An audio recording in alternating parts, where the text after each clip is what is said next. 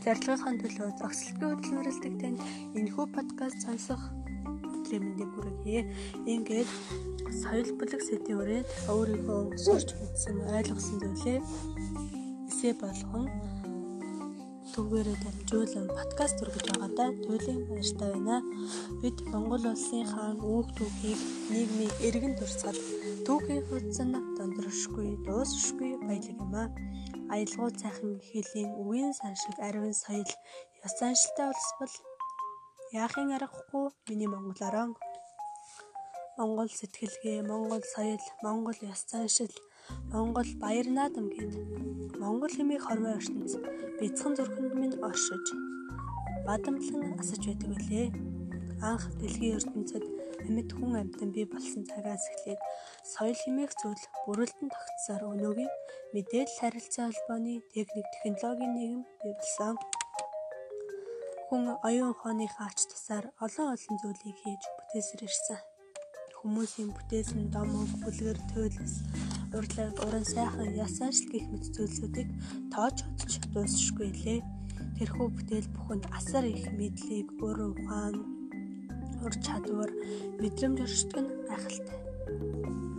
Хүмүүс бид амьдрал ахуйдаа шинжлэх ухааны мэдлэгээс тасралтгүй суралцж дуу хөгжим сонсож, чөлөг яруу найраг уушиж, хашуу урлагийн тоглолт кино үзэж цаг ямагт суралцсан дэвшсээр байдаг.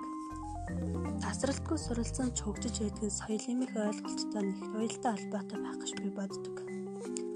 Хүний сурах ёстой зүйлс өөрт нь байдаггүй. Харин оршин буй соёлд нь байдаг. Хүн төрлөختөн мэд бүхэн сэтгэлгээний соёл, бие бэлтрийн соёл, харилцааны соёл, экологийн соёл гэх мэт ойлголтыг хэрэглэж түүнээс суралцж байдаг.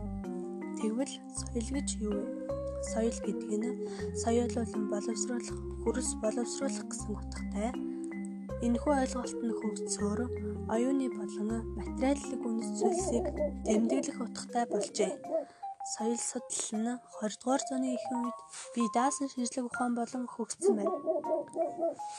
Соёл бүтээх болон эзэмших явдал бол ямар нэг эд шидийн хүчний илэрлэл биш.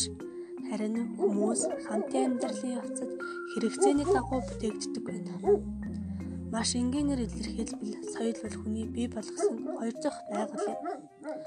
Энэхүү соёл хэмээх байгалыг бүрдүүлэгч олон зүйлүүд бий. Тиймээс бэлэг тэмдэг, хэл, үнэлэмж, хэм хэмжээ, мэдлэг гэсэн таван ойлголт соёлыг бүрдүүлдэг байна.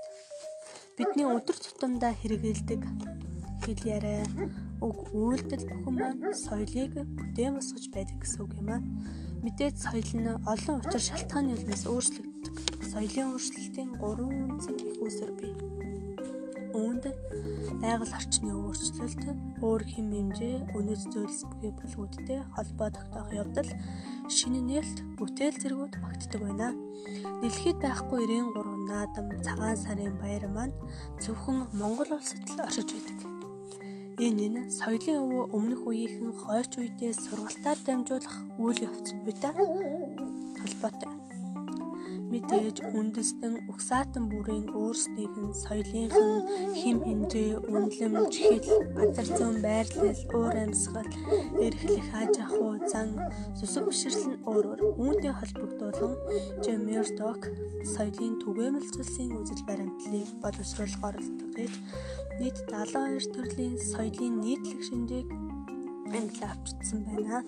Энэхүү өөр өөр улсын соёлууд дэлхийд даяар адилхан үлгэр загварыг дэлгэрүүлэх соёлын нөлөөний хил хязгаар нээлттэй байх ба тэлж буй соёлын харилцааг соёлын даяаршилдаг байна. Харин ард түмнүүд өөр хоорондоо харилцах явцад нэгэн ард түмэн нөгөө ард түмнийхэн соёлын хэлбэр төрөх шинжүүдийг эзэмшин авах үйл явцыг соёлын нэвтрүүлэх гэж нэрлэдэг. Соёлын төвшинг олон улсын соёл, улс үндэстний соёл гэж хоёр ангилдаг. Хүмүүст амьдралын үйл ажиллагааны хэв загваруудаа сонгох боломж бүрдсэн хэсгээс хамаарч соёлыг нэг хэв загварын ба олон хэв загварын гэж ангилдаг.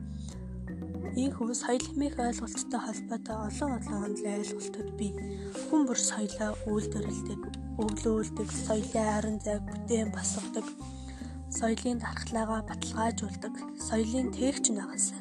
Бидний соёл үгийн саншгээ, арвин түгээн дэлгэрч байх болтугай.